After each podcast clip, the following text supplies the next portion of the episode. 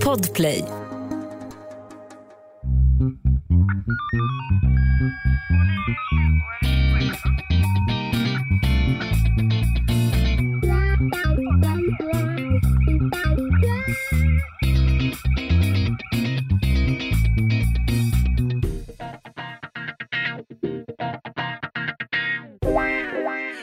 Välkomna till krimpoddarnas krimpodd Över min döda kropp med mig, Anna Jinghede och... Lena Ljungdahl. Ja, och det är avsnitt 304 och ni kommer att få, kära vänner, varsågoda, true crime på riktigt. Ja, det... Idag blir det på riktigt. Idag... Som, all, Ja. som alltid. Men Som idag, alltid. idag blir det på riktigt, på riktigt, tycker jag. Mm. Det Ja. är dags att... Eller vill du säga någonting? Vill Nej, du nej, nej. dag, krämpor? Absolut inte. Nej, Ja. du har suttit på tåg. Jag vill helst bara radera den här dagen på något Ja. vis. Den har varit otroligt lång, kan vi konstatera. Ja, det, det Och Sverige har väder. Mm. Sverige har väder, den har varit lång. Jag har, jag har utnyttjat sjukvårdens alla delar. Men låt oss bara gå rakt in i caset. Ja, låt oss. Ja, därför att vi var så här, vad ska vi prata om? Och då är väl kanske jag den i den här poddkonstellationen som har mest fäbless för rapporter som kommer. Ja, ja, det har du. Och det är ju, det, är inte det lite oförväntat? Är det? Men är inte jag på pappret mer av en rapportmänniska? På pappret. Torftiga, långa rapporter Ja, jo. utan färgbilder. Och... Ja, ja du menar så. Ja. Jo, rapporter är ju väldigt sällan i pekboksformat. Just det. Det är ju ofta... Ja, jo, men när du säger det, det kanske är så att det är, är, är mer förväntat att det var du som ville rabbla olika saker. Nej, men alltså, jag tycker det är ljuvligt när du kommer dragandes med en rapport. Och det gör du ju den här, ja, det gör du Och- ju den här veckan. Det, ja, det gör jag. Och det är nog kanske för att eh, ämnet touchar ganska mycket av det jag håller på med till vardags. Mhm. Eh, och det är så här att Säkerhetspolisen har kommit ut med sin nya rapport över säkerhetshotet mot Sverige 2022-2023. Och Mm. sånt påverkar rätt mycket mina utbildningar. Men får jag fråga, är det ett Mm. år sedan vi gjorde ett sånt här avsnitt Mm. och drog Jag den vet. förra? Vi har ju gjort det här förr, men det är ett år sedan. Och då kikade jag på rapporten och tänkte det är inte någon större vits att göra det igen om det inte har förändrats så mycket. Men nu har det ju det, tyvärr. Och om Mm. jag bara ska säga första meningen i rapporten så är ju den rätt deppig. Under Jaha. det senaste året har säkerhetsläget allvarligt försämrats. Det är, Åh. ingen, det är ingen härlig start. Nej. Nej, Nej. men jag tänkte faktiskt spela upp en liten, så att säga, eh, jag tänkte säga en stämningshöjare, men, det, men Oj, du ska få lyssna Aha. på en grej. okej. Sh- Okej. Kära publik, kommer här. Vi tar ingenting för givet. Allt som kan tyckas självklart ser vi som utmanat. Vår demokrati, vår frihet, våra rättigheter. För vårt uppdrag i Sveriges säkerhet. Vårt jobb är att skapa tillförsikt. Vi tar ingenting för givet. För våra motståndare följer inte regler, följer inte mönster. Så i slutänden är det upp till oss. Upp till oss som har valt att hellre veta än blunda. Att hellre vara på insidan än utsidan. Valt att förebygga och avvärja. Dagen vi börjar ta saker för givet. Den dagen försvinner vår skärpa då minskar vår trygghet. Så vi tar ingenting för givet. Inte de andra. Inte varandra. Spontan Oj. feeling. Alltså, det fanns ju ett allvar i den här rösten Mm. som inte gick att ta miste på. Eh, som då förstärkt av, var det ledmotivet till Gladiator jag hörde? Eller? det, var, alltså, det, var, Alltså- det var en väldig pondus Alltså, dramaturgavdelningen hade ju inte semester den dagen den här filmen gjordes. Verkligen inte. Vad, var det jag hörde? Det, det här är alltså eh, Säkerhetspolisen som har gjort en film som heter, inte helt förvånande, Vi tar ingenting för givet. Jag tycker att det är väldigt starkt på slutet och då, och då det, det finns ju liksom en, en, en, eh, en video till det här. Eh, när de Mm. säger så här, vi tar ingenting för givet, inte varandra. Och då tittar de liksom på varandra inne på Säpo. Alltså vi tar inget för givet. Inte er, inte de andra och inte varandra. Det säger en del om hur eh, konspiratoriskt lagd man måste vara för att jobba Jäklar. på Säpo. Jag ser framför mig nu hur, hur landets familjeterapeuter kommer vara fullbokade hela året för att folk kommer gå nu hemma i stugorna och snegla på varandra. Ja, Nej men, men En- alltså vadå? Är det här någon form av ny då liksom hållning? Jag har inte Mm. hört den här tonen tidigare i, med de här budskapen på det här sättet. Det slår an en ton ju. Ja, det gör ju det. Och eftersom jag då har lite försprång i och med att jag har läst den här rapporten så för mig känns eh, filmen och budskapet och tonen de har lagt sig på helt förväntad när man Mm. läser eh, hur de ser på eh, rikets säkerhet och de hot som eh, ökar och det läget som har försämrats. Då, då, helt plötsligt så känns filmen eh, inte alls överdriven. Och jag Mm. tänker att jag ska ta er med eh, på en resa nu genom Säkerhetspolisens analys över säkerhetshotet mot Sverige 2022-2023. Alltså jag sitter så bekvämt här i baksätet så bara... Hashtag flakkött. Ja. Ja. En liten eh, resumé av året 2022 i korthet sett ur eh, Säkerhetspolisens perspektiv. Eh, Mm. Vi har ju Rysslands anfallskrig mot Ukraina som inleddes den 24 februari. Vi har ett terrordåd i Visby mitt under Almedalsveckan. Ja. Vi har två personer gripna när de tänkte lämna Sverige för att ansluta till IS, vilket är ett Är det brott. sant? Det hör man ju Ja. knappt talas om längre. Nej. Jag, jag, jag tror inte att, att liksom PR-byrån är väl inte den som är mest mansatt på Just det. Säpo, tror jag. Nej, det Nej. kan man tänka sig. Mm. Men ändå, många av de här sakerna har vi hört talas om. Du kanske har hört talas om två gripna för grov olovlig underrättelseverksamhet mot Sverige, Mhm, november mhm. 22. Det känner jag till, Flera, ja. och flera stycken åtalade för grov obehörig befattning med hemlig uppgift. Alltså människor Mm. som har uppgifter som de inte ska ha. Eh, och sen så, för att inte prata om det som eh, kom på slutet då, två personer är dömda för grovt spioneri. De har skaffat uppgifter eh, till Ryssland. Så att jag antar att Säpo har slitit röv, som det heter, det här året. Alltså, är jag en alarmistisk människa som nu tänker med de här eh, punkterna färskt i minne att och det här är vad som har kommit upp till ytan. Eh, det är nog korrekt, Anna. Bara sett till, till eh, det som jag jobbar eh, kanske mest med, eh, skolattacker och ensamagerande våldsbejakande unga män. Det Mm. som kommer upp till ytan om skolattackerna har, det är ju bara ett skrap av alla dess människor som eh, har de åsikterna, som liksom inte har gått till handling, som inspireras, som radikaliseras, som har stoppats på olika stadier, förberedelsestadier, försöksstadier, men också bara planeringsstadier. Så att eh, det, det får man nog eh, bara stå still i den tanken att det som fångas in är inte det som Alltså det som vi kommer till vår kännedom är inte allt vad som finns. Det, det är så att säga en liten topp på ett isberg kanske. Yes, iceberg, iceberg. Det är som de här som står och fryser på Titanic, som skriker iceberg lite för sent. Mm. Mm, mm. Och Säkerhetspolisens ansvar, vi har gjort ett helt avsnitt om Säkerhetspolisen, jag kommer inte gå in i alla deras avdelningar, men, men de ska ju helt enkelt se till att det som inte får hända inte heller händer. Och de är ju en förebyggande till stor del organisation, myndighet. Till exempel så är ju de i dagsläget den enda myndighet som i förebyggande syfte får använda sig av hemliga tvångsmedel. Till skillnad från Polismyndigheten som får vänta till skälig misstanke för att kunna lyssna på någon, till exempel telefonavlyssning.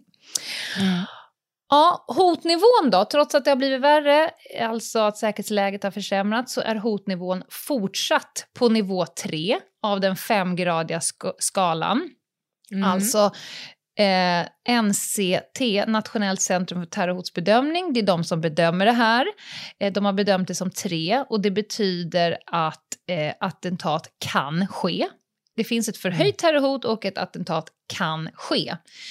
Och det, här, så här, det har det varit ända sedan 2010. Med ett... Bryggargatan, eller? E, ja, exakt. Exakt. Och, men med en...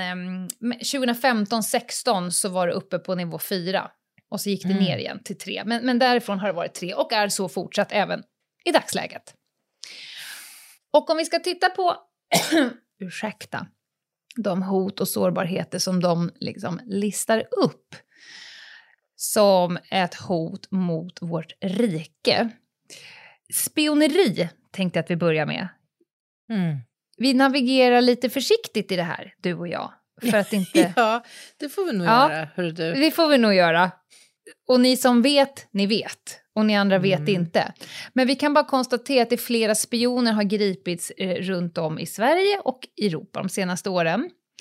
Mm. Och Säpo säger att spioneri pågår här och nu. Och det finns underrättelseofficerare på plats i Sverige med endast uppdraget att samla in information som både kan skada Sverige och som kan gynna hemlandet, eller uppdragslandet. Alltså man skulle ju kunna tänka sig, jag, jag tror inte att jag är ute allt för långt och cyklar nu, om man, om man föreställer sig att det här hotet ökar när våra grannstater befinner sig i krig. Mhm. Så är det ju. För då är det ju en kamp om att skaffa sig allierade och så Mm. vidare. Mm. Och eh, såklart hitta eh, grannländers sårbarheter och så vidare. Mm. Och förstå hur ett land mobiliserar för ett eventuellt krigshot. Ja, och det de säger att, att, att stater har med det senaste året blivit både mer offensiva och lite mer vårdslösa i sitt agerande, men också att stater har börjat samarbeta med varandra för att få in eh, uppgifter och att det var då en ändring. Och när du säger krig eh, så ser de att det här upptrappade läget, alltså den försämrade utvecklingen i omvärlden påverkar såklart eh, hoten mot Sverige direkt. Mm. Ryssland är tydligen både mer oberäkneligt och mer riskbenäget än tidigare. Jag har lite problem med meningen att Ryssland är riskbenäget. Det- Det känns som att det sitter någon liten galen man med fingret mot en knapp. Alltså, Mm. man vill ju inte att Ryssland är riskbenäget, eller? Nej, Nej. Det, det känns man, jättejobbigt. inte. man vill inte att Ryssland är oberäkneligt heller. nej, Det exakt. är liksom är ju tillsammans gör ju hela... Ja, ja, ja du fattar. Ja, och Ryssland har ju Mm. både förmåga att utföra attentat och sabotage. Mm. Och de ser också Sverige som en del av Europa, en del av västvärlden och en del av NATO, även fast vi inte är inne i den. Eh, och Säpo hävdar med bestämdhet att Sverige har ju hjälpt Ukraina på massa olika sätt och det kan också ytterligare eh, påverka hotbilden. Mm, det där funderade Eh. jag på. Jag vill bara säga det, när, när det här skedde, den nya invasionen 24 februari i fjol, då var det ju väldigt mycket tal i, i liksom uppstartsfasen i den här riktigt offensiva krigsföringen från Ryssland. Mm. Att länder ville skicka krigsmateriel och hur mycket skulle Sverige skicka och vad innebär det i förlängningen? Och då Mm. måste jag säga att jag tyckte det kändes svinläskigt. Alltså att det är liksom Mm. ett statement att göra det som ryssen såklart självklart har god kontroll och, och koll på. Men samtidigt, ja. Ja, men alltså, man måste ju på något sätt ta ställning. Det, jag Ja. kommer osökt att tänka på Astrid Lindgrens, något citat. Alltså, är, är man stor och stark och kan så ska man hjälpa till, annars är man bara en liten lort. Alltså, eh, ja, det är ju inte riskfritt och det kommer absolut skälpa på hotbilden. Men att det, alltså, eh, att Ja, jag är inte bekväm med att bli definierad som en person som lägger mig flat för att jag själv kan bli drabbad av någon, när någon annan har det väldigt svårt. Så att, Ja, men, och, ja. och så här långt in, liksom ett, ett, drygt ett år senare, när väldigt många nationer också har visat sitt stöd, så Mm. känns det ju helt orimligt att liksom, det skulle vara så att säga, startskottet för en riktad konflikt mot Sverige. Alltså, Nej. Lite så. Men ja, Ja, okej. nej, men det, det, det påverkar i alla fall. Ehm, Mm. Och vad man är ute efter då, det är ju framför allt eh, kunskap. Det finns underrättelseofficerare eller spioner på, de säger på i princip alla stora fakultet i, runt om i, i Sverige. De är ute efter information och vår teknik som går att använda för både militära och civila ändamål. Alltså, om en stat, land, har som ambition att bli en stor makt i den här världen, då är ju att skaffa teknik, Mm. att ta del av all forskning som finns och så vidare, det är ju A och O. Och var bedrivs den? Jo, på svenska universitet. Mm. Alltså vi ligger ju i framkant på rätt mycket industri, eh, teknik och forskning. Och Mm. för att ta del av den, då måste man ju införskaffa den på något ja, det är sätt. klart. Mm. Och jag undrar, jag, reflektion bara, undrar hur väl införstådda våra olika lärosäten är i detta och vad som görs för att hålla koll och motverka det. Jag är inte säker, ja. Att det finns Det med i läroplanen. Nej, men alltså jag, jag tänker så här, man ska rekrytera, låt säga en doktorand. Mm. Det är en forskarstudent. Mm. Och det är inte ovanligt att man kommer från andra länder än Sverige, såklart. Och Nej. mig vet lite, jag vet ju hur det gick till när jag blev doktorand. Det var ju inte något för jag, jag fick ju skicka in ett CV naturligtvis och, och lite så, men det var ju inte fråga om att gå på djupet med mina tidigare så att säga högre studier eller liksom vad, ja, Mm. jag tror inte att man har ringt på någon referens om jag säger så. Om, om jag testar, för nu tänker jag ta hur de sex stegen och sex punkterna som man går igenom när det ska värvas då en agent, någon Mm. som kan dela information. Ska vi se om, om man hade lyckats med dig då. då. Punkt ett, då börjar man ju med att analysera. Vad är det för information vi behöver? Säg att vi då behöver den informationen som du forskar på, av någon anledning. Mm. Du, du forskar numera på någon in, in, teknik av något slag. Stridsspetsar. Exakt, Ja. det är absolut din hem, hemmaarena. Ja, det... det- vet vi. nu har vi analyserat, det, det är vad vi behöver. Nummer två, målsökning. Nu försöker man hitta en person som kan ha den här eh, informationen som vi behöver, som vi har liksom kommit fram till i vår analys. Ja, då, kom, Mm. då hittar vi Anna, verkar vara de, rätt person. Hon verkar sitta liksom mitt i getingbot. Om, om Anna, har, alltså Anna har garanterat det vi behöver. Tre, då börjar man kartlägga dig. Alltså, v- vad, vad gör du? Var bor du? Hur ser din eh, civilstatus ut? Eh, Vad har du för hobbysar? Vad, Mm. liksom, I vilka sammanhang rör man, Det är lite så... Det är inte jättestor skillnad från att jobba med spaning skulle jag säga. Alltså Nej, var, nej. var är du som sköras? När, var, Mm. var finns det liksom naturliga kontaktytor? Eh, är du med i någon lokal bokklubb eller vad du nu gör för någonting? Mm. Fyra, man närmar sig eh, den här personen och då är det ju en, en underrättelseofficer, en av de som är här satta på jorden i Sverige för att göra det här. En underrättelseofficer tar kontakt med dig Hmm. på något Och sätt. det är då ett sånt här slumpmässig kontakt. Exakt. Ah, Exakt. just det, biblioteket. Ja, det, det är din nya Tinder-dejt eller eh, hundvaktare eller klasskamrat eller någonting annat så. Mm, mm. Fem, nu är det vänskap som då ska knytas an för att det här eh, liksom närmandet ska anses som lyckat. Och den där fasen kan ta flera år. Mm, kan man ju tänka sig. Därför att det ska ju byggas förtroende, det ska ju byggas Mm. liksom möjlighet att påverka så att det inte... Det, man ska inte tro att det glider fram någon bara ursäkta mig, kan du... Ha, har du lite Mm. information att bjucka på. Utan du kommer inte ens märka när det sker till slut. Det är förmodligen helt sömlöst.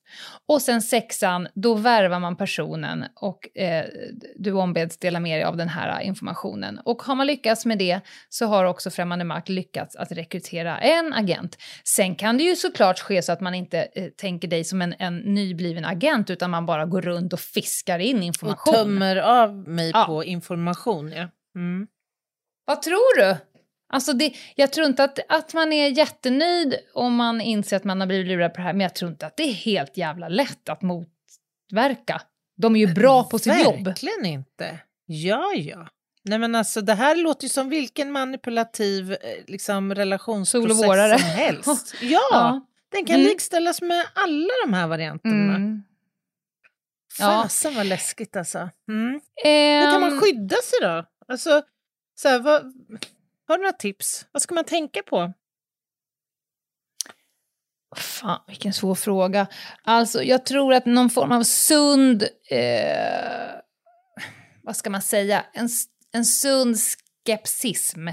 Mm. Eh, men, det, men jag tror att är man liksom har man ingen sam, eh, samband, ingen identitet. Alltså, jag, gissar att de kliver på där, där det redan finns en, skörhet och en, en sårbarhet. sårbarhet. Mm. Där man väldigt, mm. väldigt gärna vill ha en vän, en, en, en kärlekspartner, en, någonting. Alltså, jag tror att det är otroligt svårt. Det första man ska väl göra, det, och jag tänker också på alla arbetsgivare, att verkligen styra upp sina arbetstagare med, så att man åtminstone är medveten om att du sitter på. Information mm. som inte skall ut överhuvudtaget. Och om du överhuvudtaget läcker, då är det ju eh, konsekvenser. Att man måste mm. nästan jobba från det hållet så att man får reda på. Oavsett hur jävla smickrad eller hur mycket pengar du får så är det a fucking no-no. Mm. Ja, mm. eh, jag ska bara avsluta lite och säga några saker om Kina. Kina jobbar till skillnad från Ryssland mycket mer långsiktigt, säger Säpo. Och de mm. använder sin underrättelsetjänst för att främst främja sina egna intressen inom till exempel politik, ekonomi och vetenskap. Och mm. det här är ju en sinnessjuk eh, information. Visste du att kinesiska medborgare är enligt lag skyldiga att bistå underrättelsetjänsterna om de vill ha hjälp? Nej, det visste jag naturligtvis inte. Tänk att införa en sån lag i Sverige. Alla, alla ni medborgare, om, om svensk underrättelsetjänst vill ha hjälp, då är det bara att, att liksom träda i tjänst och börja mygla. Ja, det är jävligt sjukt. Men då är man ju helt bakbunden. Om man ja. nu skulle vara verksam i ett land som Sverige till exempel och det nu finns intressen att inhämta eh, sekret information om whatever, tekniska... Inhämta sekret? Det är ett annat ja. jobb.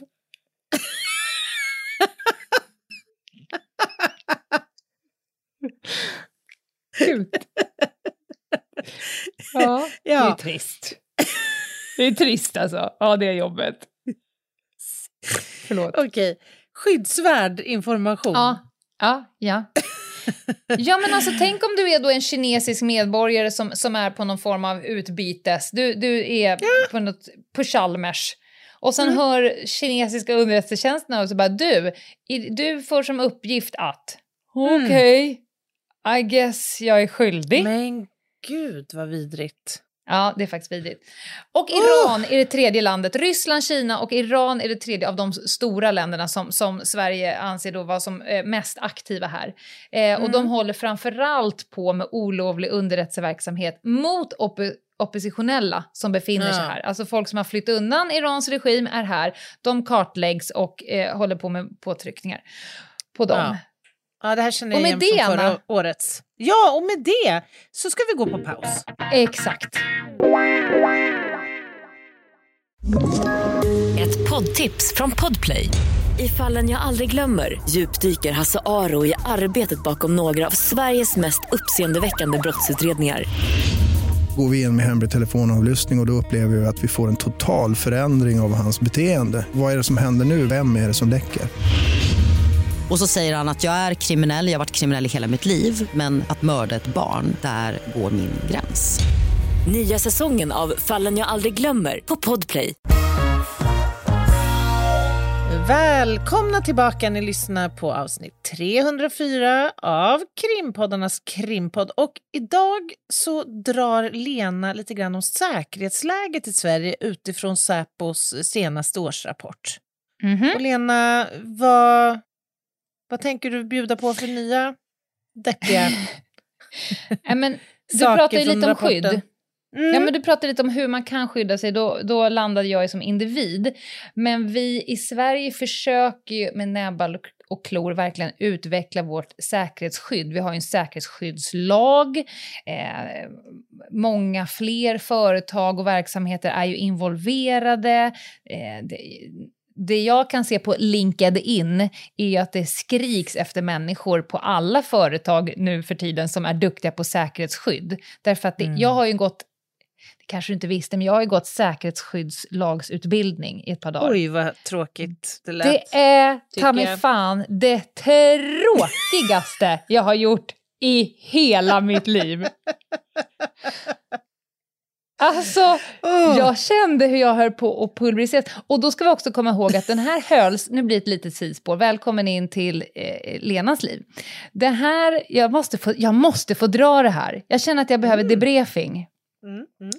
Den här utbildningen ska ju då hållas av en person. Eh, Ja. Och han säger då, ja ah, men Lena du ska få den här säkerhetsskyddslagsutbildningen. Ehm, den är ganska, och, och det här är en person som inte är juridiskt bevandrad alls. Duktig Nej. på säkerhetsskydd, men också det enda. Mm, mm. Eh, och så kommer han och så säger han så här, du kan jag få prata med dig? Och så går vi då in i ett litet pentry bakom en gardin och tänker, oj, nu kommer han vilja be mig... Min första tanke var, jag kanske har hybris, men min första tanke var att han skulle vilja att jag hade någon, någon lektion under hela de här dagarna. För det touchar ju rätt mycket av ämnen som jag håller på med. Eh, men nej, det var inte budskapet. Han bara, jo, jag tänkte så här, Lena, vi ska ju ha en, en det är ganska mycket, så att säga, ganska tung och krånglig eh, paragrafer som det heter. Jag bara, ja, Som det heter. ja, ja, sa jag, okej, jo, och, och vi jobbar lite här på samma jobb och så här, så jag tänkte vad schysst.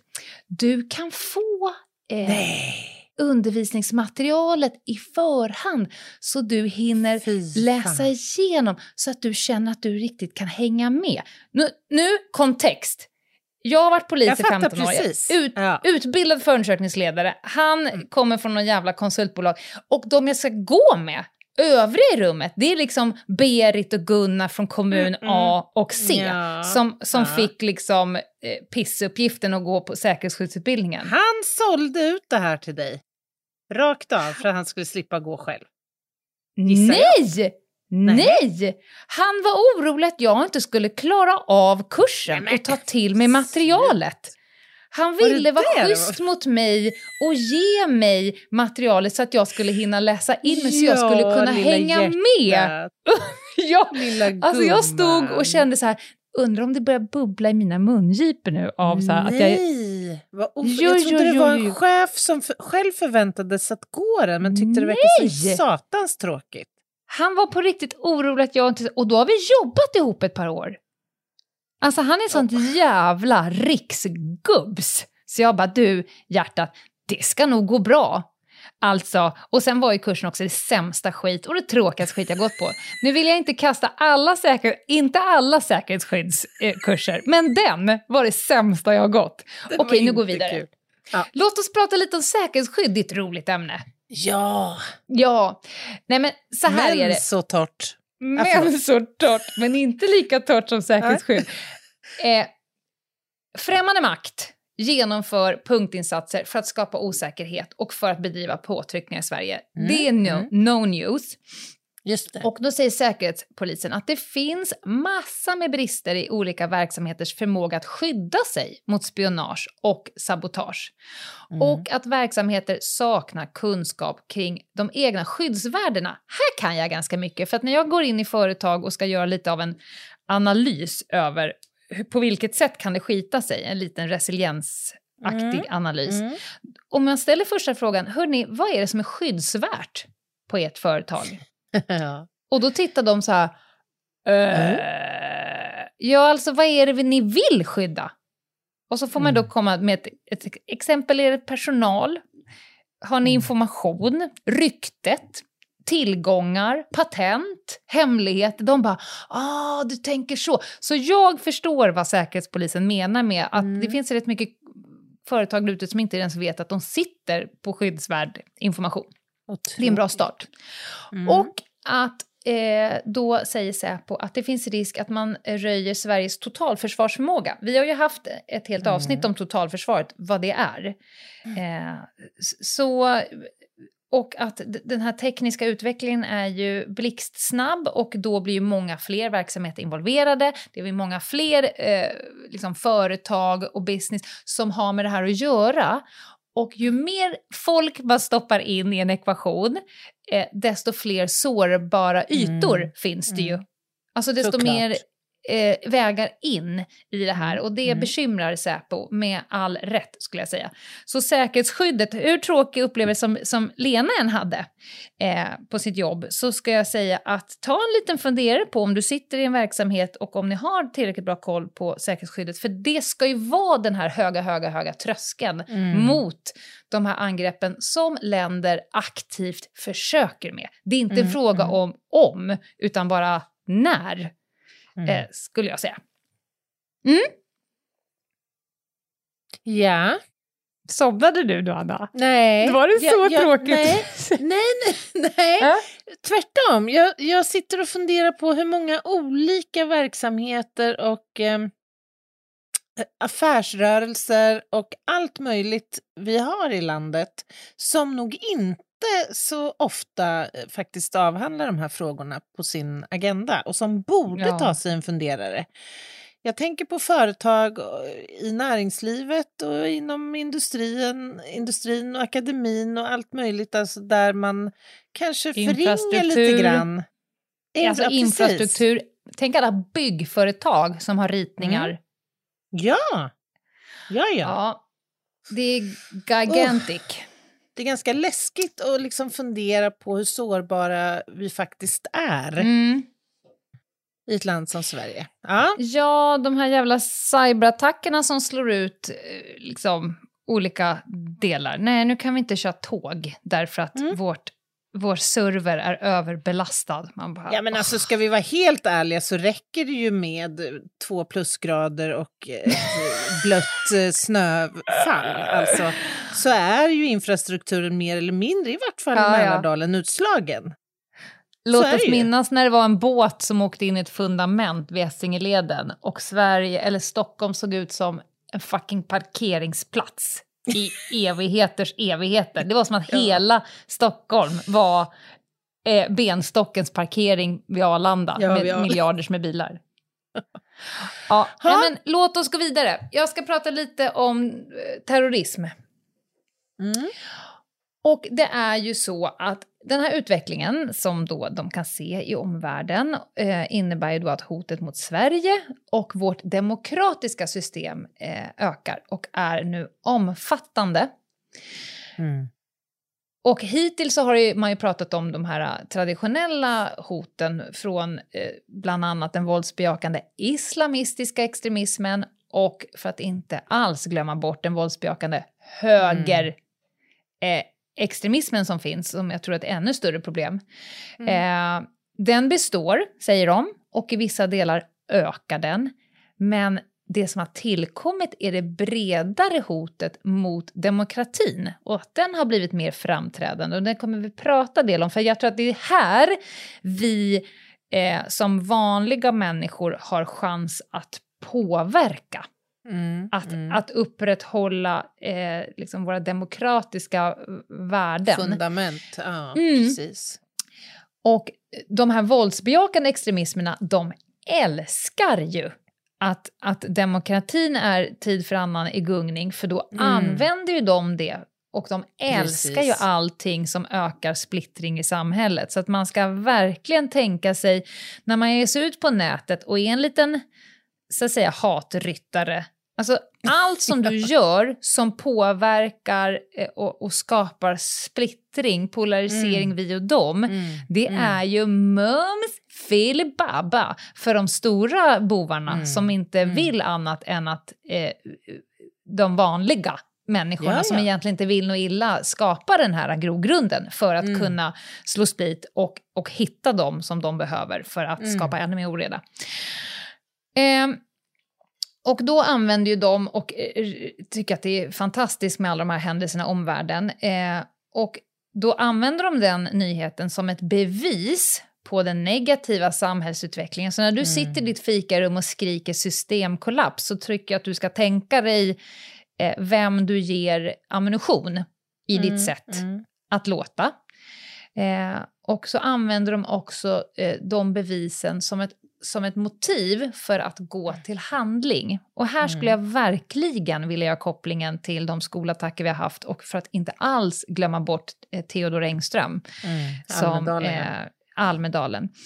Och, och jag satt ju och lyssnade på Almedalsrättegången och framförallt så, eh, en sak som verkligen fastnade i mig och som jag använder mig av då när jag eh, utbildar eh, skolpersonal. När vi pratar om de här, för det här är ju till mångt och mycket ett inspirationsbrott.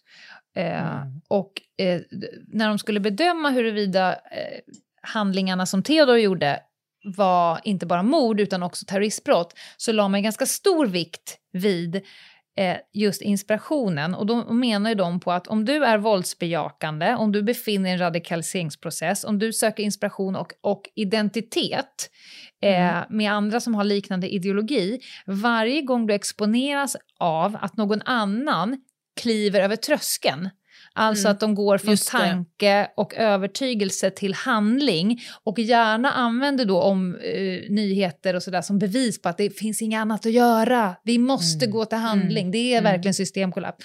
Då, ju fler sådana som hoppar över, desto lägre blir tröskeln och då blir det Mm. ännu lättare för de här unga Just radikaliserade De män.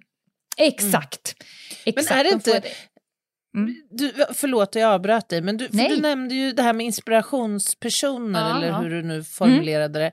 Och när jag ser tillbaka på de sista, både i, i Sverige, Nya Zeeland, Norge, flera andra länder, så känns det som det är mer regel än undantag. Ja. Att det finns någon namngiven föregångare, Oh, ja. föregångsperson. Oh ja, alltså de, de, eh, de nämner ju varandra vid namn. Ja. Och då, eh, på andra sidan jordklotet nämner de eh, människor i Sverige och vice versa. Mm. Och att inte tala om vad man hittar när man gör en IT-forensisk undersökning i datorerna. De har ju sökt eh, inspiration från varenda jävla Mm. eh, PDV-attack. Oavsett om det är terror eller inte. Ja, okej. Får jag bara fråga Mm. där, tror du att det, är, att det är en fråga om att legitimera sina egna tankegångar? Eh, Mm. Eller är det egentligen en fråga om liksom någon slags förebild, föregångare, någon man ser upp till? För, för ibland kan jag få känslan av att man liksom legitimerar sitt, sin, sitt egna agerande med Ja. att andra har fört samma, haft samma starka åsikt. Ja, så, såklart är det ju så. Och de umgås ju gärna med likasinnade, folk som befinner sig i samma ra- radikala liksom, övertygelse om något fenomen. De blir ju väldigt svartvita och söker inte så Mm. skitmycket input från andra. Det är inte några sådär, ge mig lite nyanser, berätta mer Mm. vad du tycker.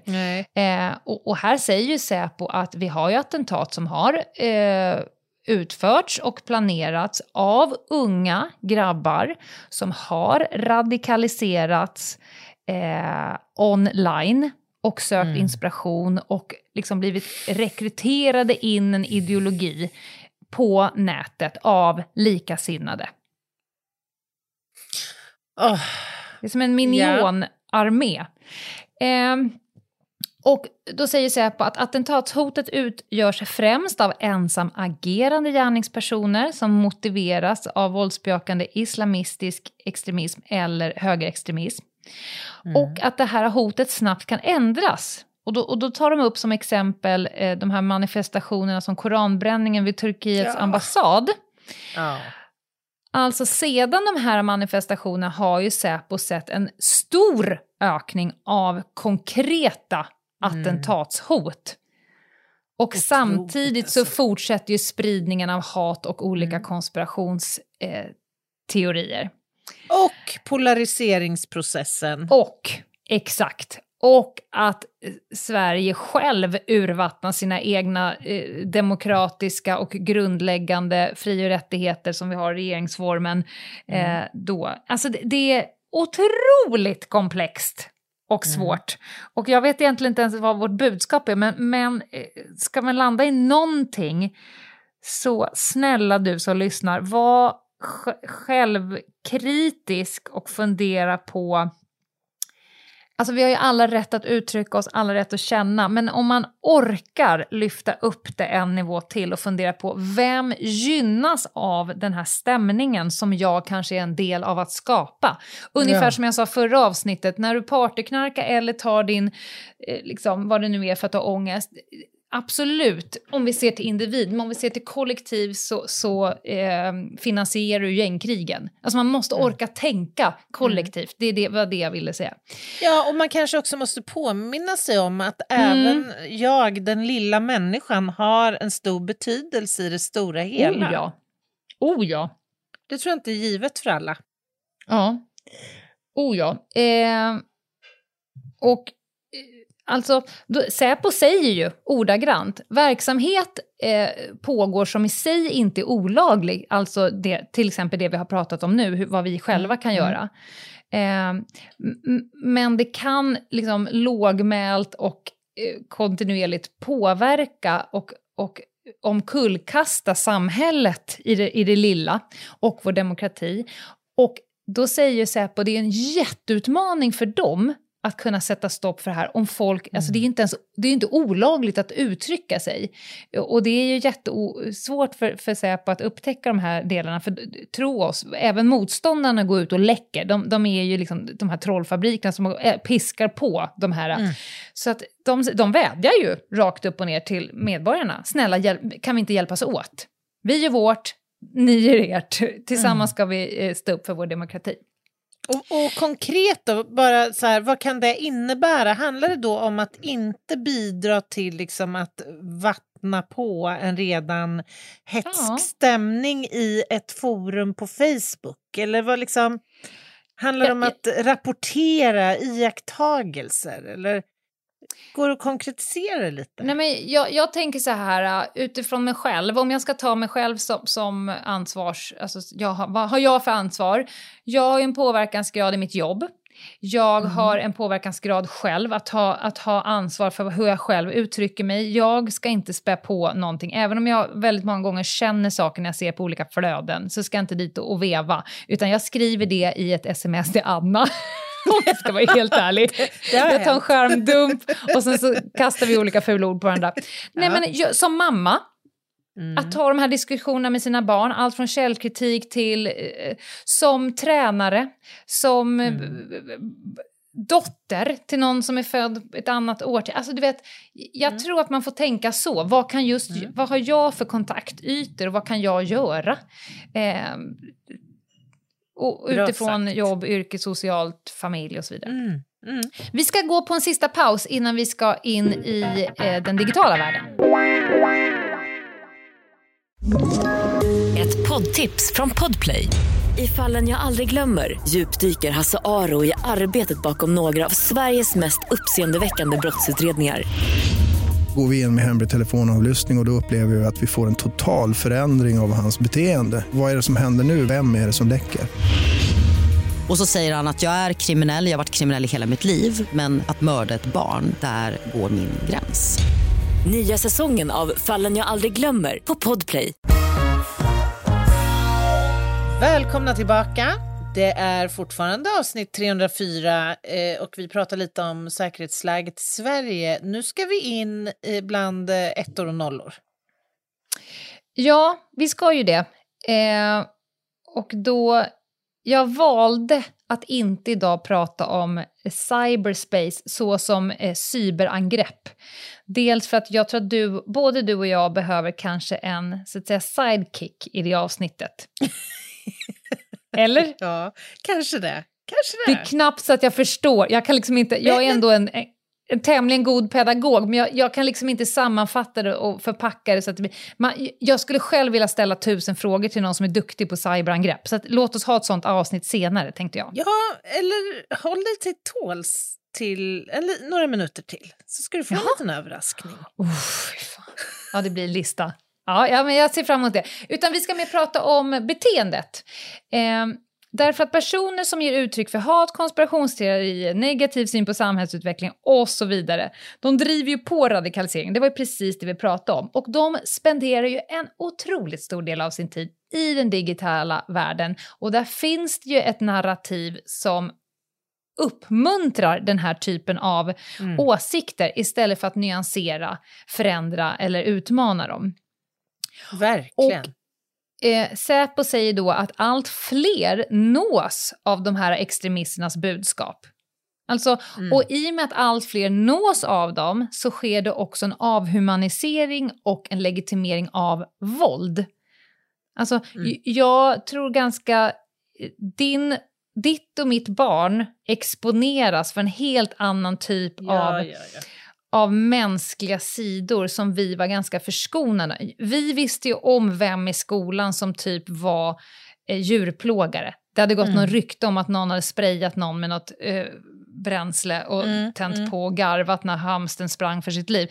Men that's it. Våra barn matas ju med ja. klipp på våld. Alltså, ah, det, ja, men det också, är... Jag måste bara säga att alltså bara de sista åren, jag var för typ fem, sex år sedan, då hängde mm. jag en mm. del på Twitter till exempel. Oh, fy fan, det är en analfistel alltså, på ja, nätet. det är verkligen ja. det. Och det, just tonen, oh, angreppen. Vuxna människor.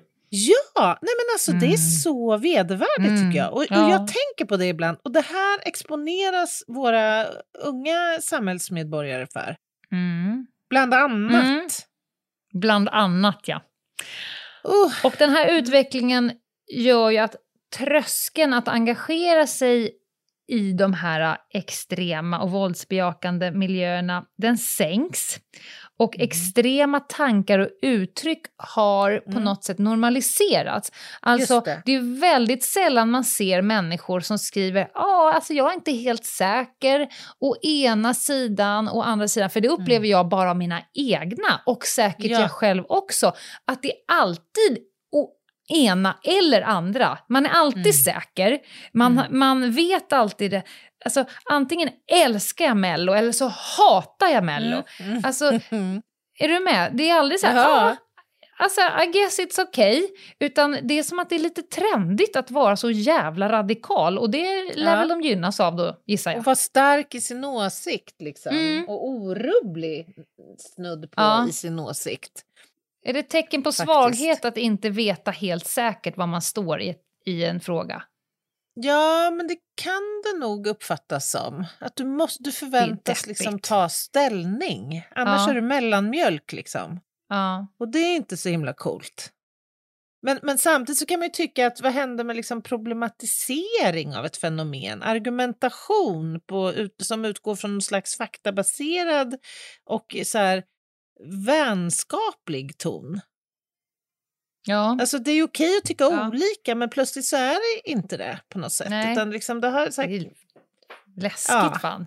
Mm, det är det faktiskt. Ytterligare en sak man skriver på sin to-do-lista som morsa. Lär barnen att det är okej att inte vara säker. Ja! Ja. Det är ganska ja. uppfriskande att ha en verkligen. diskussion med någon som säger så här, nej fan, här, här har jag fan ingen aning. Här så säger jag, vi väldigt här. ofta till varandra. Ja, vi gör När det. vi diskuterar liksom... boken. ja. ja. ja. jag vet fan alltså... inte. Välj du! Exakt, ja. jag har ingen aning här. Nej. Nej. Och och sen så hade ju eh, Säpo lite av en önskelista, det tyckte jag var kul. Så som vi mm -hmm. brukar avsluta våra intervjuer med våra eh, experter. Alltså mm, vad önskar mm. du? Och de önskar utökade möjligheter att hantera information på ett sånt sätt som ökar förmågan att bedöma och förebygga. Jag antar att det finns regler kring hur de får hantera information i dagsläget som de då tycker är, inte riktigt är ultimat om de ska lyckas med sitt uppdrag. Kan man tänka sig, mm. Och sen så vill de se en kriminalisering av innehav av avrättnings och tortyrfilmer. För att stävja utveckling av våldsanvändning, att den normaliseras. Men alltså, vad fan! Alltså jag är Nej, inte alltså- arg på Säpo nu. Jag bara se- ser Nej. framför mig hur en enda själ i detta land kan vara emot eh, att folk sitter och samlar på eh, avrättnings och tortyrfilmer. Ge Nej, det- dem den lagen per Det är så omgående. vidrigt. Och snacka om risk för som sagt liksom normalisering av, av Mm. våld. Det är som porren sist- ungefär. Ja, verkligen. Och det, och det sista jag vill prata om lite mer om, om våra barn. Då, för då säger Säpo att aktörerna paketerar numera sina budskap så att den är nischad, så att den ska passa den yngre målgruppen. Nej, men. Man använder sig av ord och bilder som i sig inte är brottsliga, men som är Mm. till för att forma en uppdelning av vi och dem i tidig ålder. Åh, vad vidrigt. För när man då har lyckats med det och, och du är uppväxt med att det finns ett vi och dem, då är det otroligt lätt att ställa sig i mitten. Och då, för då gör ju vi jobbet åt dem. Då står vi och kastar skit på varandra eh, Mm. istället för att fokusera på, på fiende som då är Just ute det. efter oss. Nu har ju du eh, förtjänstfullt redogjort för Säpos eh, årsrapport. Eh, Nämner de någonting om vår omvärld? Och hur, liksom, hur hoten ser ut i grannländer eller andra delar av världen? Eller? De, de fokuserar extremt mycket på, på Sverige, men de, om, de återkommer hela tiden till att förändra, alltså det förändras i omvärlden och därmed påverkar även Mm. Sverige. Så jag klart. tror inte att... eh, Alltså, jag, jag kan inte utläsa att de tycker att Sverige liksom är unika i det här Nej. på något sätt. Det där, nej, Därem- precis. Nej, däremot, så, eller tvärtom, att när, när de som vill stater illa samarbetar så bör kanske länder också göra det. Som gemensamt. Och det görs ju redan i dagsläget Mm. eh, med säkerhetsskydd och så vidare. Alltså att, att, man, att man försöker eh, bilda en gemensam, ett, en gemensam skydd eh, Mm. mot det här. Men vi ska nog inte se oss som unika att ha en förändrad hotbild utifrån, eftersom vi påverkas av det som sker internationellt också. Såklart. Men jag, jag, jag tror att som Sverige, eftersom vi är så jävla framträdande i, i stora delar liksom forskning, eh, teknik, industri, tillverkning av de här grejerna, eh, så ska vi nog se oss som ett ganska viktigt land för eh, de som vill åt den typen av information. Och med det Bra tror jag att jag stänger det här och jag gör väl helt enkelt bara om alltihop om exakt ett år. Ja, men det tycker jag. Alltså, det här är ju så pass viktigt eh, och så, vad ska jag säga, allmän re- relevant. Alla Ja, måste faktiskt. känna till det här. Det förväntas av oss alla. Det tycker jag. passade väldigt bra in i vår podd. Vi håller ju på med folkbildning. Mm. Mm. Det är helt riktigt. Och nu, Anna, ser jag att jag har 7% kvar. Tror du att det räcker? Det kommer du att klara dig alldeles galant på. Mm. Om vi bara rappar på med lite samhällsinfo nu. Här ska det rappas på, för jag är så nyfiken på din lista. Jag vill säga, vi ska ut på vägarna. Följ oss på vårt Instagram, Ljungdahl och Ginghede. För vi ska runt om på vägarna och ha en krimafton på diverse sköna hotell i, i samarbete med S-Group. Eh, så följ oss där. Eh, ni som inte ännu har läst vår bok som vann årets debut, den heter Någon måste dö. Eh, gör det kanske eh, kommer ni lära er någonting om världen. Vad vet jag. eh, och sen skulle jag vilja bara säga en, en sak till som, som jag eh, har re- reflekterat över. Vi får fler och fler mejl från er kära lyssnare. Och jag förstår det och jag, ni vill ju såklart bara väl. Men det är väldigt många so, som ett vill att vi engagerar oss i era case. Alltså Mm. era barn som eh, är narkotikapåverkade eller grannen eller att ni är i en rättsprocess eller att ni är liksom misshandlade och så vidare. Vi är helt fel instans. Vi, vi, Mm. vi kan inte, vi kommer inte, vi, vi bör inte, vi ska inte, vi får inte hålla på och, och privatutreda saker. Så att ni, skicka inte dem till oss. Eh, vi känner med er i era kniviga situationer, men var lite schyssta nu och skicka inte det till oss för vi är inte rätt instans. Bra rutet! Nu du! An Anna Jinghede, ge Anna mig allt du har på veckans lista. Annas jätte, jätteviktiga lista. Jag har, har snickrat en lista, men jag har gjort det medelst kaos på tåg Ah. ikväll. Så att vi får se, det kanske är några punkter som saknar lite information och så. Då får jag addera och lägga till. Nej, Ja. Nej men så här, nu har vi ju haft luppen då eh, på detta med säkerhet och Mm. hot mot rikets säkerhet och skydd mot intrång och, och allt möjligt. Och Mm. därför så skulle jag då vilja presentera en lista på ett tema som känns väldigt passande. Nämligen då det här med, vad kallar du, cyberattacker? Jag vet inte ens vad det Mm. heter. Cyber, Ja. Cyberhotet. Ja, sekretet. Ja. Sekretet. Eh, Bara innan jag går in på punkterna. Man kan ju föreställa sig och tänka och tro att det här med, med eh, cybercrime-brottslighet och så, att det är liksom ett modernt fenomen. Men bara som lite Ja. kuriosa, när jag nu försökte hitta mina punkter till, till listan, då sprang jag på eh, en föregångare till detta som skedde 1903. Eh, När då eh, fa, Eh. fadern av den mo moderna radion eh, under väldigt högtidliga former skulle presentera dåtidens eh, fränaste radiovågstelegrafapparat. ja. Och detta ja, och, och bara som lite kuriosa då, så är det ju ändå lite festligt att när han då står där redo nu för att liksom eh, skicka ett meddelande en massa mil genom luften via radiovåg så börjar maskinen bete sig märkligt och istället ta emot meddelanden. Den hade hackats, Lena Ljungdahl. 1903 skedde detta. Han tryckte inte bara på fel knapp då? Nej, nej, det visade sig att det var en ingenjör som var verksam på The Eastern Telegraph Company som Jaha. gjorde detta. Han, vet du vad han skickade? En limerick. Det tyckte jag var kul. Han gjorde det här bara för att liksom prove a point. Att de här meddelandena är inte privata. De kan Det är så hackas. som Anon- Anonymous jobbar nu för tiden. Just det. Som Men okej, heter. Ja. plats nummer fem. Eh, AC/DC känner du Mm. kanske till. Mm. Thunderstruck. TNT, Säkert. vad heter de? Ja. ja, det här Den är inte min påse. Nej, Ja. det är ju inte det. Thunderstruck släpptes alltså 1990.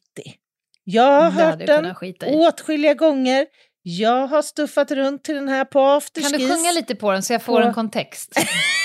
Absolut inte! inte det? Oliver kanske kan klippa in en liten slinga här bara så Ja. man, man känner igen den. Det kommer man göra.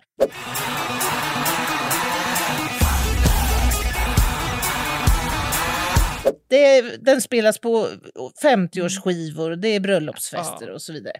Men av cyberhackare, som det Mm. ju heter, Mm. så har den också eh, funnit eh, ett, ett syfte. Eh, så som 2010 när man då hackade sig in i Irans nätdomäner. Alltså den här, den här typen av musik lär vara förbjuden, eller i vart fall har varit förbjuden i Iran. Alltså rock'n'roll och rockmusik, hårdrock. Rock'n'roll! Du är så jävla mycket mer The Boppers än AC/DC, Anna. Jag älskar AC/DC. Ja, Okej. i alla fall. Mm. 2010 så hackade man sig in i Irans då, eh, nätdomäner som jag sa och närmare bestämt i ljudsystemen på alla kärnkraftverk och lyckades få ut ovan nämnda Thunderstruck på maximal volym i kärnkraftverken. Vad, hur länge hade du stått Alltså- ut med det här? Nej, nej. Jag tänkte precis att det är ju lite kul, men det, det får jag ju såklart inte säga.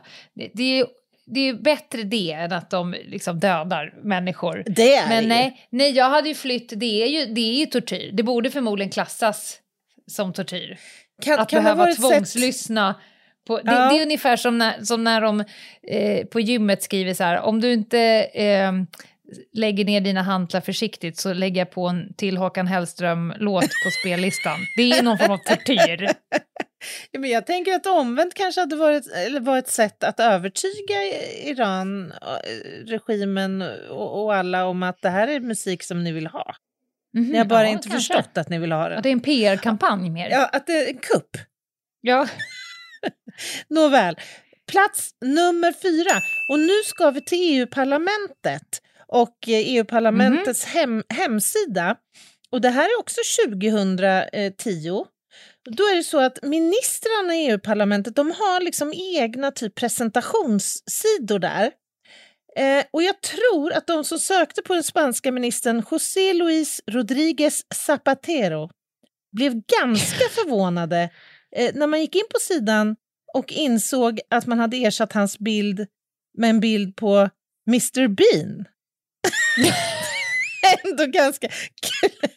Jag har sett den här bilden. Tycker ändå det har någonting. Ja, ja, för all del. Så de har valt en bild när han ser sådär otroligt När han ser ut som Mr Bean gör. corny ut. Ah. Mm. Okej, eh, vi går på plats nummer tre och kanske lite mer sofistikerat ändå, um, mer sofistikerad cyberattack. Nu ska vi prata om en attack som var riktad mot scientologikyrkan som ju har blivit, kan man väl säga, ändå ganska kritiserat i lite olika eh, sammanhang. 2008 så publicerades på Youtube en video som starkt kritiserade... Kommer du ihåg att det sändes massa dokumentärer om Tom Cruise och hans Mm. engagemang i scientologikyrkan? Jo tack. Och den här då fick ju spridning med flera på Youtube. Och det här var ju besvärande för, för sällskapet naturligtvis. Och de gjorde allt de kunde nu för att få bort den här från, från Youtube. Det var Mm. då ett gäng, gäng också, ett Ja, gäng, gäng. Ja. hackers fick den briljanta idén. De gick alltså in och ändrade Googles eh, ja, logaritmer eller vad det är de gör. Vilket resulterade i att när, algoritmer kanske heter, att när människor sökte på farliga kulter, farliga sekter och, och en massa andra sökord, då kom scientologikyrkan upp som första träff. Det är ändå ganska sofistikerat. Verkligen. Borde de inte vara skyddade mot sånt av, av någon? Det k- kanske man kan tycka. Borde inte, borde inte eh, Gud vara säkerhetsskyddschef? Ja, just det. Gud borde kunna alla de här, borde ha gått den här kursen, den här skittråkiga som du har gått. Exakt. Verkligen, verkligen. Mm. Ja. Plats nummer två. Året är 2011. Det här tycker jag faktiskt är otroligt uppfriskande. Då är det alltså MI6, alltså brittiska underrättelsetjänsten som såklart ligger ute och skannar av nätets alla dolda eh, hörn, så att säga. Ja. De eh, tog sig in i al-Qaidas mest eh, hemliga domäner. Och Mm. någon form av eh, magasin eller motsvarande som al-Qaida då publicerade digitalt. Och fann en artikel med titeln Gör en bomb i din mammas kök. Så där kunde man då som aspirerande självmordsbombare få recept på Ja. hur man tillverkar. Det var rörbomber och, och, och allt möjligt. Ja, Det var då mammas MI köp skulle, det också Just- ske i. Ja. J- Just det. Och det Mm. var nu MI6 fick en idé.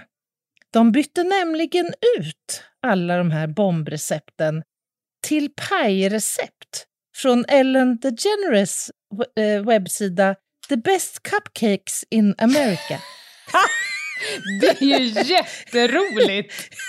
Så istället för recept på rörbomber då så stod man där i slutändan kanske med en äppelpaj, vad vet jag. Fy fan vilken rolig syn när de här äh, människorna står där. Jaha, det var det en och en halv matsked vaniljsocker i bomben. Det kunde man inte se komma. Och plötsligt ett, tre så har man sig en äppelpaj. Det, Fan vad roligt. Ja, kul. jag tycker det är briljans som du Det hade har sagt. något. Ja.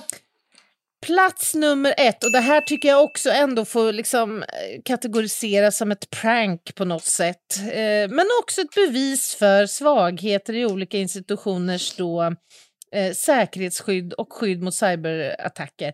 Och detta skedde då 2004 när en eh, nyhetsstation i North Carolina, nämligen North Carolina News 14, utsattes för en cyberattack. Och den här gången så var det fråga om ett gäng, låt oss kalla dem kreativa studenter vid North Carolina State University som alltså hade hackat sig in och lyckats få tillgång till, du vet den här lilla skylten i tv-rutan där grafiken rullar Ja, ja, ja i, i nederkant liksom. Ja, ja. Den som var Ja. när man var liten. Boing! Aston Villa, Ja, eh, Manchester United. just det. 2-0. Just det. Doing. Det kan också Ja. liksom ligga så här rullande nyheter liksom Ja, under ja, ja, ja. en sändning. Mm. Då skickar de alltså in och publicerade i den här lilla rutan istället nu en massa snusk och en massa oförskämdheter medan nyhetssändningen och väderrapporteringen och allt pågick. Och då var jag tvungen att försöka hitta nu vad det var, vad stod det då? Alltså för jag Såklart. tänker mig att det var inte många sekunder de hade på sig att bestämma, ja, skriv! Ja. Och, och bland annat så hittade jag att man hade skrivit eh, Cecils Cockring Emporium Back up tomorrow. Det, alltså det är obegripligt, men det är ändå kul på något sätt. Det handlar om någons penisring som kommer alltså vara uppe igen imorgon. Alltså det är ju som livet i sig. Obegripligt, men kul på något sätt. ja. ja, och det är flera sådana här BLO, alltså de har ju då försökt förtäcka det här i Ja, ja, ja, ja, förkortningar, men läser man ut det så blir det Blow My Dry Cleaning Incorporated. Closed Friday until 12. Pick up noon. Jonathan Holmes for more info. Såklart. Ja. Och så vidare. Ja, alltså, jag, jag lovordar inte detta. Alltså, det här är ju inte, man får ju inte göra så här. På, absolut det, inte. Nej, det finns ju, Nej. finns ju så att säga en, eh, en, en, en lagen Här har man gått arm över gränsen. Ja, har gått Ja, över, ja. men det är fortfarande ganska kul och Ja. också lite, eh, vad säger man, eh, oförargligt. Det får man Men, säga. men om inte förr så får man ett heads up i sitt IT-system om någon har lyckats. Nästa gång kanske de inte är lika snälla. Och, och jag tror nästan att vi behöver ha ett helt avsnitt om, om cyberangrepp. Därför att vi kan inte ett jävla jota om det. Kan Nej, här är vi Nej. oerhört tunna. Ja. Så vi vi ska ha. försöka få tag på någon som är oerhört tjock på ämnet. Mm, mm. Mm, så Ja, men det återkommer har vi. lite buddies där. Det kan vi lösa. Och nu har jag 2% kvar på mobilen, så det var ju en Ja. fantastiskt bra timing av dig. Du sa att det skulle räcka, och det räckte. Ja, du kan lita på mig i de här lägena.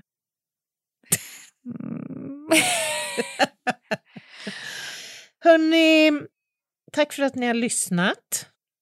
Ta hand om Mhm. er. Och vi hörs på måndag, för då blir det spaning. Ja, den kom en vecka för sent, men det är så det blir. Så kan det Och ni bli. kan, ju, ni kan glida in på Instagram som heter På spaning med LJB. Där, eh, det, sköt, det rattar Meta och där kommer information om spaningen. Och hon la upp i måndags att det blev ingen spaning i måndags, men den kommer nästa måndag. Så håll till godo. Det kommer det Ta hand om er. Trevlig helg och så vidare. Mm. Kram.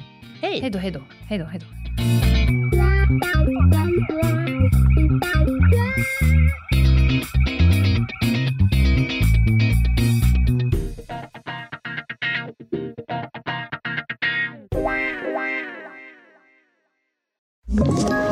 Ett poddtips från Podplay.